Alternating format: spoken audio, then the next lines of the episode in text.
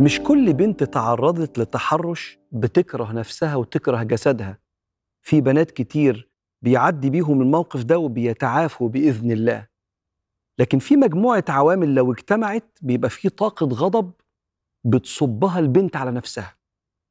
السبب الأولاني لكراهية البنت لجسدها بعد تحرش مهين هو إن التحرش ده يكون من مصدر غير متوقع ويكون مكرر. زي إن بنت يتحرش بيها حد من قرايبها. المفروض ده بيحقق السند والرعاية. أو معلم جاي يدرس لها وينور حياتها بالعلم. أو طبيب المفروض إيده فيها الشفاء مش الأذية والتحرش. أو شيخ دين المفروض إن أقربنا إلى الله وبيوصلنا لربنا وأتقانا إلى الله. أو زميل في الشغل إحنا رايحين نشتغل عشان نكسب لقمة عيش بالحلال. المفروض إن أنت محترم إيه اللي بتعمله؟ دول كتير الإحصائيات اللي فيها إن من 25 ل 50% من الستات اللي بتشتغل اشتكت من التحرش في مكان العمل. ويبقى الشخص ده المفروض إن هو ظاهره محترم لكن يصدق في قول رب العالمين ومن الناس من يعجبك قوله في الحياة الدنيا ويشهد الله على ما في قلبه وهو ألد الخصام. وإذا تولى سعى في الأرض ليفسد فيها ويهلك الحرث والنسل والله لا يحب الفساد. وإذا قيل له اتق الله أخذته العزة بالإثم. ما عملتش حاجة. ويمكن يتهم البنت كمان. أخذته العزة بالإثم. فحسبه جهنم ولبئس المهاد.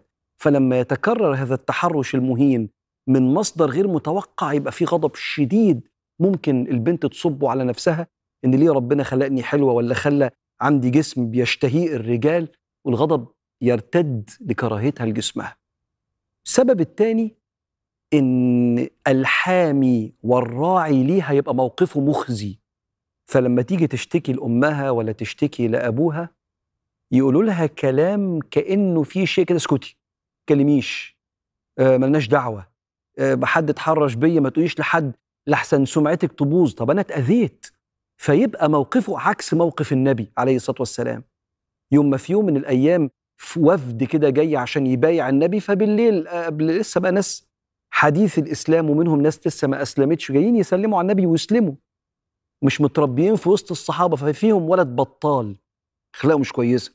فبالليل شاف بنت كده قام لمسها في جسمها من جواري المدينة. فجه يسلم على النبي تاني يوم فالنبي قبض إيديه. يا نهار أبيض! النبي الرحمة للعالمين؟ قال له لا.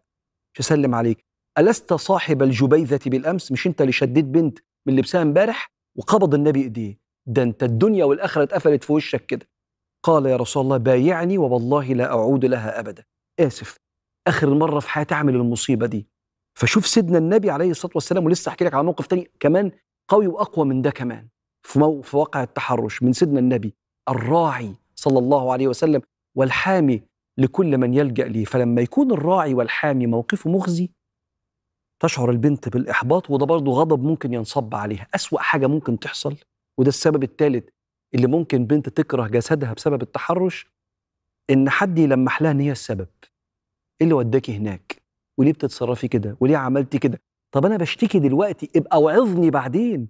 لكن لما أشتكي أيها الراعي ليا أبويا ولا أخويا ولا أمي ولا أيا كان من فضلك وقف جنبي. أنت بتتهمني إن أنا سبب؟